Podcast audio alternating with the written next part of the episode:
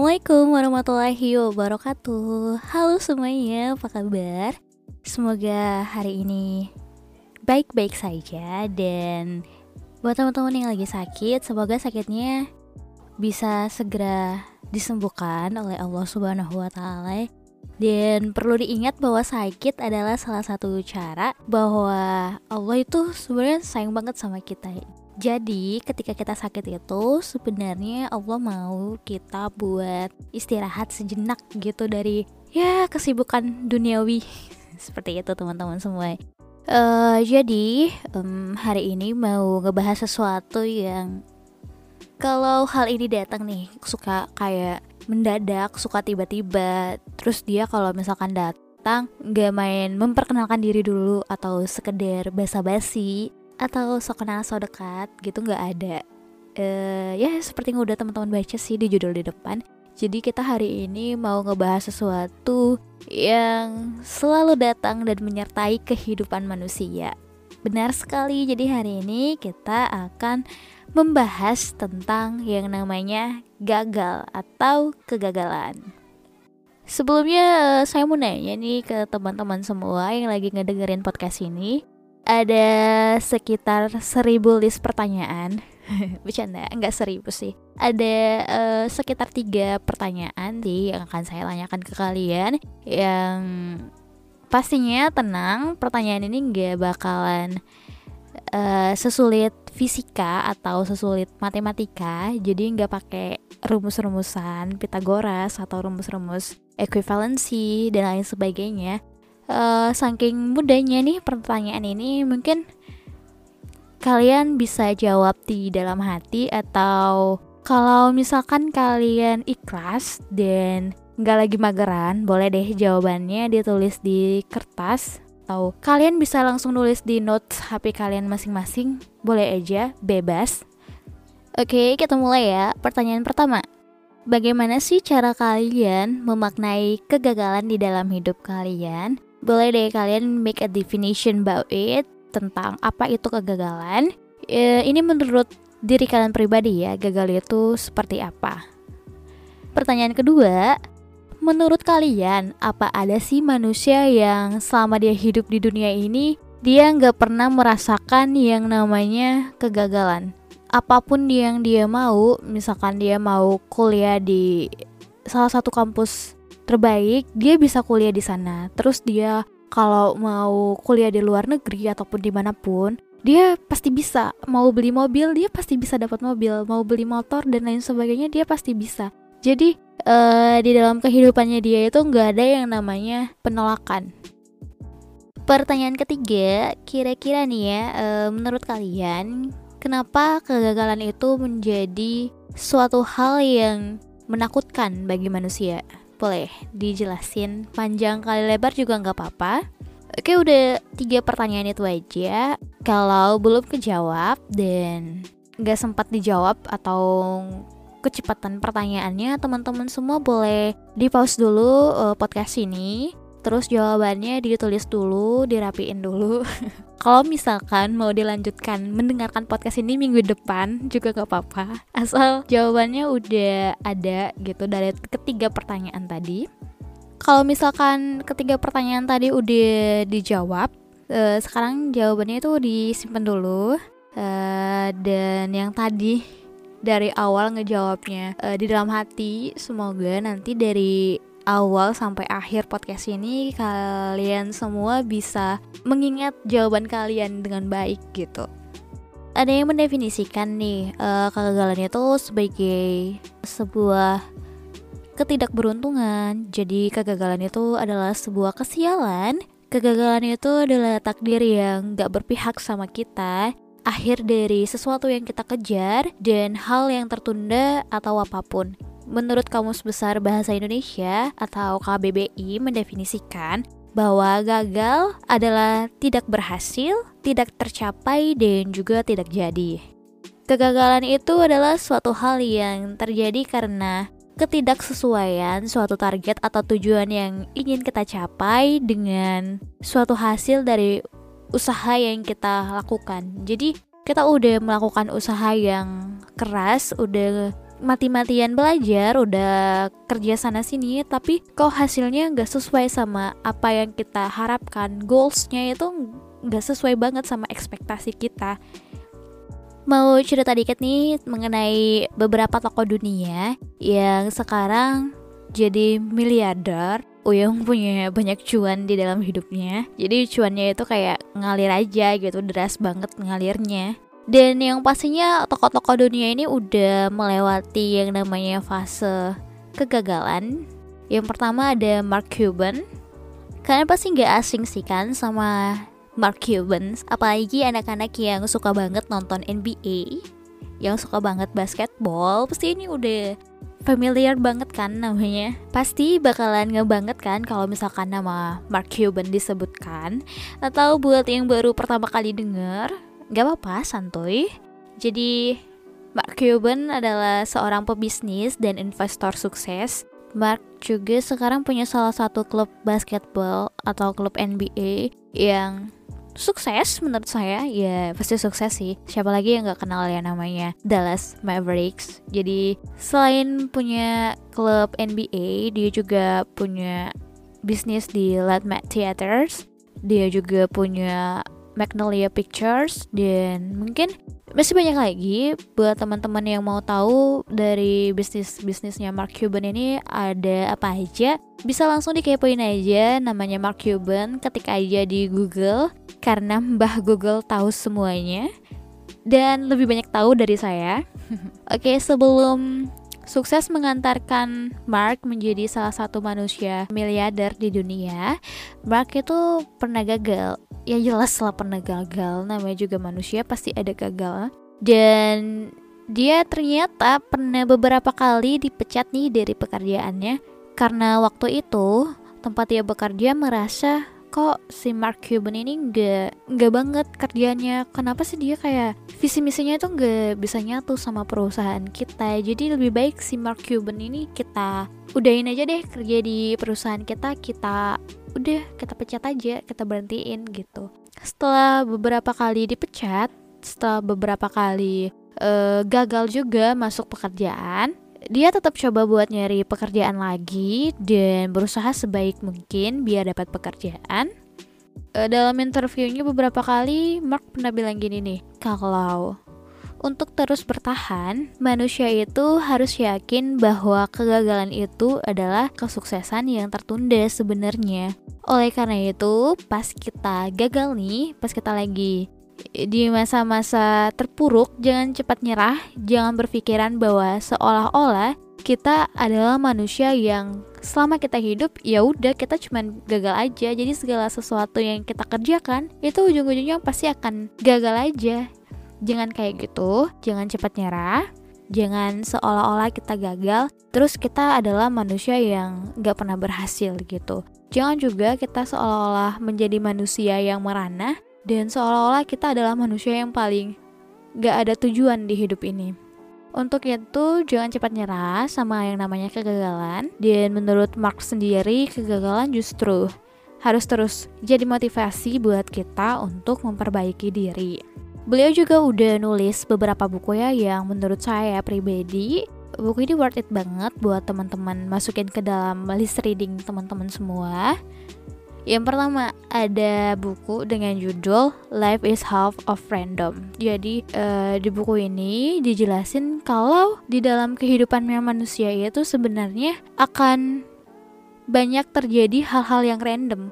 Salah satunya kegagalan ya udah gagal itu bagian dari hal-hal yang random gitu jadi kalau misalkan kita perhatiin kan kalau nggak ada sih yang namanya manusia mau gagal di hidupnya kan manusia mana yang mau di dalam hidupnya itu ada kegagalan tapi kita nggak bisa menolak kegagalan itu hadir dalam hidup kita yang kedua ada buku dengan judul How Any Kid Can Start a Business dari judulnya udah ketebak sih kalau buku ini tentang gimana cara anak-anak mau uh, memulai bisnis.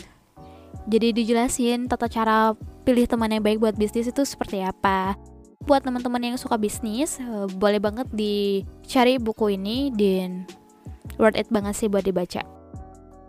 Oke, tokoh selanjutnya adalah Bill Gates. Kalau nama pebisnis yang satu ini pasti udah pada tahu ya Jadi Bill Gates pernah mengalami kegagalan bersama salah satu temannya, teman baiknya, ketika merintis usaha yang bernama Drive O Data. Sebelum ke sejarah Drive O Datanya sendiri, agaknya lebih enak nih ngebahas friendship goalsnya Bill Gates sama Paul jadi Bill Gates sama Paul Allen itu dulunya sama-sama teman sekolah di salah satu sekolah di Seattle. Dan mereka berdua ini udah kayak partner in crime. Mereka berdua sama-sama hobi komputer. Jadi mereka udah biasa nih kayak berdua duduk di perpustakaan atau berdua ngobrolin masalah-masalah komputer karena mereka udah sering banget bedah komputer dan bedah kode-kode komputer dan bedah bahasa-bahasa komputer sampai pada suatu waktu kalau misalkan mereka mau beli sesuatu buat keperluan belajar komputer mereka udah biasa sama yang namanya patungan. Contohnya ya e, mereka patungan buat beli terminal komputer. Terminal komputer waktu itu harganya masih mahal banget dan terminal komputer pada masa-masa mudanya Bill Gates sama Paul Allen ini masih terbilang langka. Jadi saking langka dan mahalnya mereka sampai kerja dan nabung buat beli terminal komputer gitu. Jadi mereka pernah kerja di salah satu perusahaan atau mereka kerja serabutan lah bahasa kasarnya ya. E, pada suatu musim panas bahkan Bill Gates ini pernah bekerja ya di salah satu perusahaan. Jadi dia Pak Bill ini Pak Bill Gates jadi kerjaannya itu kayak ngukurin pola lalu lintas dengan menghitung roda mobil yang bergulir di atas sebuah tabung karet yang sensitif terhadap tekanan. Jadi setiap 15 menit, sebuah mesin itu akan membuat pola lubang sebesar selotip kertas. Lubang itu nantinya merupakan sebuah hasil rekaman dan hasil rekaman itu akan dibaca e, dan ditulis secara manual. Menurut mereka proses dari pembacaan data yang manual ini terlalu monoton dan gak efisien. Nah, awalnya dari kasus uh, pembacaan data yang monoton itu dan gak efisien sama sekali itu membuat tercetuslah ide pembuatan travel data. Waktu itu usia Bill Gates masih 17 tahun dan Paul Allen sendiri usianya masih 18 tahun. Mereka berdua mikir nih kalau proses pembacaan data itu bisa lebih efisien loh dari apa yang dilakukan perusahaan itu data itu sebenarnya nggak perlu dibaca secara manual loh. Singkatnya nih ya, dari berbagai banyak hal yang udah dilalui, akhirnya Bill dan Paul Allen bisa membuat yang namanya komputer Trifo Data yang series 8008 dengan pembaca pita. Jangan dipikir kalau pas buat komputer ini bakalan lancar-lancar aja, selancar jalan tol, gak sama sekali karena komputer Trivo Data 8008 ini sama sekali sulit banget buat dibuat dan mereka sempat mau nyerah pas buat komputer itu. Tapi Paul sama Bill Gates uh, mikir lagi aduh kalau misalkan kita nyerah buat komputer ini nanti data itu monoton banget yang kita hitung itu pasti datanya manual banget. Setelah itu mereka akhirnya memutuskan untuk membuat usaha yang diberi nama Travel Data jadi, travel data adalah cara membaca data mentah dari perhitungan lalu lintas jalan raya dan membuat laporan untuk insinyur lalu lintas. Usaha ini memerlukan banyak modal karena mereka harus membelinya mikroprosesor 808 yang khusus dan dipesan untuk menjadi mesin travel data. Singkat cerita, travel data ini akhirnya sukses buat dibuat. Travel data kemudian e, diperluas ya dari pengisiannya itu dihargai sekitar 2 US dollar per hari untuk pengumpulan data dari klien, termasuk di daerah terkecil di dekat Seattle dan di distrik British Columbia. Itu dinaikin harganya dari 2 US dollar itu bisa sampai jadi 4 US dollar. Awal-awalnya sih mereka sukses ya buat mendapatkan banyak pelanggan hingga hingga akhirnya mereka menaikkan harga dan bertahun-tahun dilanjutkan masih sukses, masih banyak yang minat, masih banyak klien yang mau join sama mereka. Namun setelah mereka sedang berada di ibarat katanya tuh mereka lagi di puncak-puncak kejayaan gitu. Tapi di Washington dan di negara bagian lainnya itu sudah mulai ada yang menawarkan layanan yang sama persis sama layanan yang Bill Bill Gates dan Paul Allen buat, tapi itu ditawarkan secara gratis. Kamu bayangin aja, mereka lagi ada di puncak-puncak kejayaan, terus ada orang yang nawarin hal yang sama kayak yang Bill Gates sama Paul Allen buat, terus ditawarinnya itu dengan secara gratis. Manusia mana yang gak suka gratisan? Kan gak mungkin gak diambil yang gratisan. Kalau bisa gratisan kenapa bayar? Kan itu sifat alaminya manusia ya sampai waktu itu Allen pernah bilang ya dia bilang di salah satu wawancara di dokumentarinya Paul Allen dan Bill Gates dia bilang e, jika ditinjau kembali travel data adalah ide yang bagus dengan modal bisnis yang salah. Kami tidak melakukan riset pasar, kami tidak memperkirakan betapa sulitnya mendapatkan kota, untuk membuat pembelanjaan modal atau para pejabat akan enggan membeli mesin dari siswa yang bahkan keluar dari sekolahnya. Karena kegagalan tersebut, mereka mengalami eh, kerugian sekitar 3.949 US dollar. Dan setelah itu pun disusul nih sama kegagalan-kegagalan berikutnya yang buat Bill Gates itu dapat banyak pengalaman yang berharga di dalam hidupnya setelah banyaknya kegagalan dan akhirnya lahirlah perusahaan besar yang bernama Microsoft. Allen juga bilang, jika bukan karena travel data ya, kami gak bakalan bisa nih buat yang namanya Microsoft dan saya yakin Microsoft gak bakalan lahir gitu.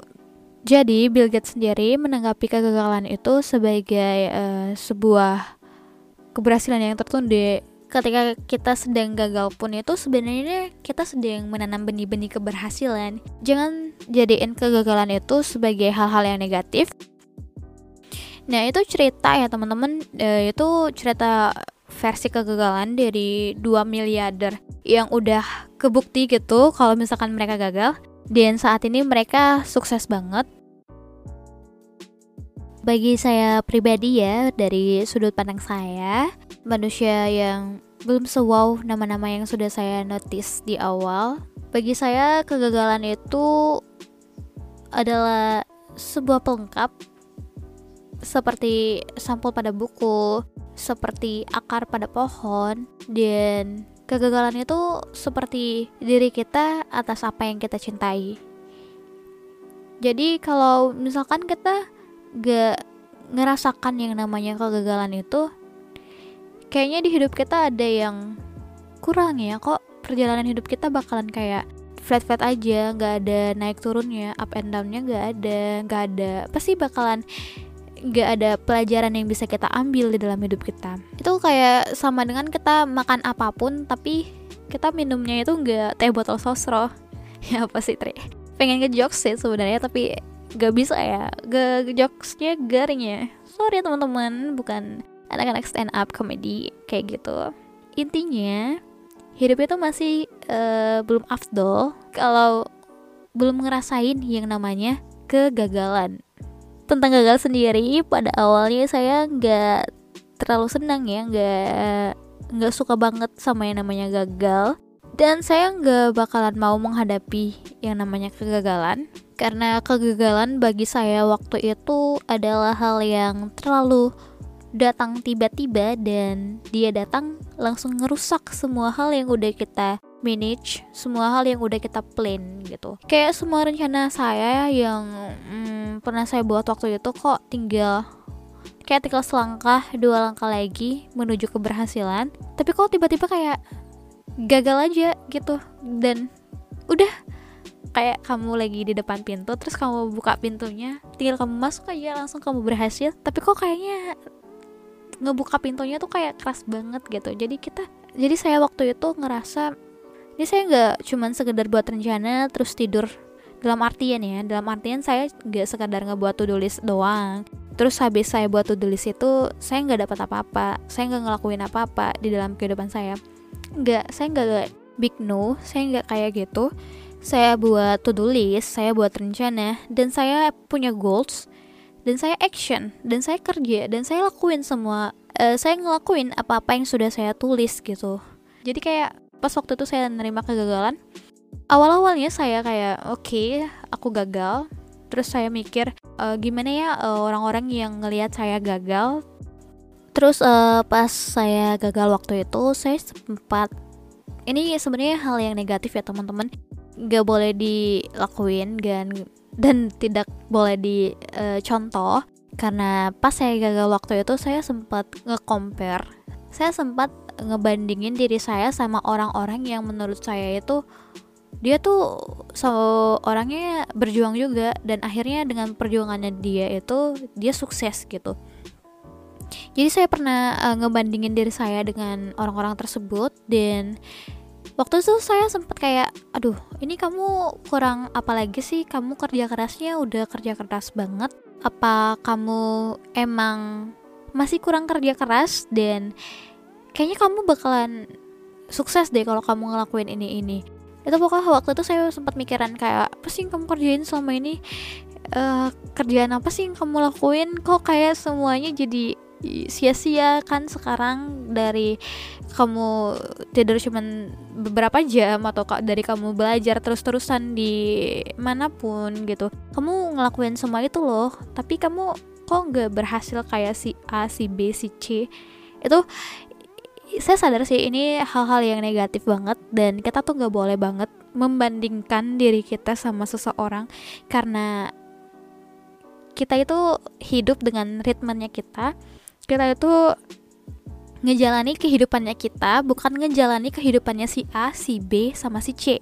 Jadi kita nggak bisa menyamakan kalau misalkan A sukses dan aku harus sukses saya harus sukses kita nggak bisa kayak gitu. Karena yang kembar aja ya yang kembar aja itu bisa suksesnya berbeda bisa uh, jalan hidupnya berbeda. Apalagi kita yang nggak kembar dan kita ngebandingin diri kita sama orang lain loh di luar sana pada akhirnya ya saya itu mulai menemukan titik balik di mana saya merasa oke okay, saya gak bakalan galak lagi nih dan saya gak bakalan lari-lari lagi sadari eh namanya kegagalan. Dan uh, oke okay, saya terima saya gagal Eh, dan iya saya memang perlu gagal di dalam hidup ini.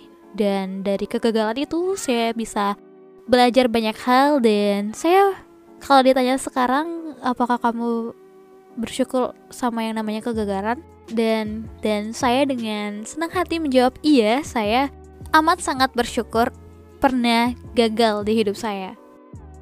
Pada akhirnya dari gagal atau kegagalan ini kita bisa belajar banyak hal. Kita bisa belajar ikhlas. Kita juga bisa belajar gimana sih jadi manusia yang gak mudah putus asa dan sebenarnya gagal ini buat kita jadi lebih dewasa di dalam menjalankan hidup. Secara nggak langsung kita juga diajari jadi dewasa sama kegagalan. Balik lagi ke tiga pertanyaan awal. Pertanyaan pertama bagaimana cara kalian memaknai kegagalan di dalam hidup? Dan boleh deh kalian buat definisi tentang kegagalan tadi. Coba deh kalian lihat atau kalian ingat jawaban dari pertanyaan pertama.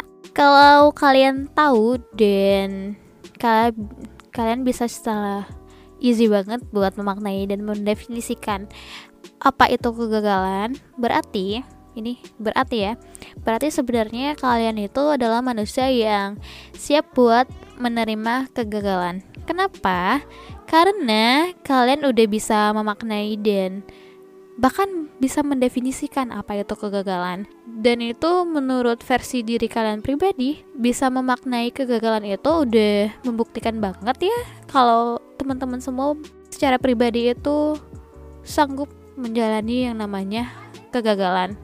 Itu gak masalah karena gagal itu wajar dan yang gak wajar itu kalau kita udah gagal terus kita nggak mau bangkit dan berusaha lagi buat hidup kita gitu pertanyaan kedua menurut kalian apa ada manusia yang gak pernah gagal? Apa ada manusia yang kalau misalkan dia mau sesuatu itu dan selalu aja bisa dia dapatkan? Tanpa ada yang namanya penolakan atau kegagalan. Kalau kalian jawab iya, coba dipikirin lagi deh. Masa ada sih manusia yang gak pernah gagal dan dia manusia atau apa gitu, secerdas dan sekaya apa pun manusia, uh, pasti pernah gagal. Pertanyaan ketiga, kira-kira nih menurut kalian kenapa kegagalan menjadi hal yang menakutkan bagi manusia? Ada yang jawab gini nggak? Karena gengsian tapi untuk pertanyaan yang ketiga ini kalau misalkan teman-teman jawab karena gengsi ini nggak ada salah benarnya ya ini juga nggak ada penilaiannya jadi misalkan kalau teman-teman jawab karena gengsi itu wajar uh, sekarang mungkin coba dipikirin baik-baik aja. Saya juga udah bilang kalau ritme hidup kita itu beda-beda. Jadi saya mau ingatkan jangan sampai ketika kita gagal terus kita kayak gengsi sama kegagalannya kita gitu. Jadi ya udah kalau kita gagal alhamdulillah kita syukuri aja. Dan jangan langsung ngedown. Ngedown sih boleh sih teman-teman. Tapi jangan lupa buat bangkit lagi gitu. Jadi nikmati aja jalannya kegagalan. Dan saya percaya buat teman-teman yang mungkin sedang gagal dan buat diri saya sendiri saya percaya kalau suatu hari nanti kita bakalan menemukan hmm, titik balik di mana kita bakalan sukses dan saya percaya kalau roda-roda kehidupan itu akan selalu berputar. Oke, untuk itu itu aja pembahasan mengenai episode pertama. Terima kasih banyak sudah mau mendengarkan podcast ini dari awal sampai akhir tadi. Ya, untuk itu, terima kasih banyak sudah mau mendengarkan. Sekali lagi, Assalamualaikum warahmatullahi wabarakatuh. Dah semuanya. Sampai ketemu di episode selanjutnya.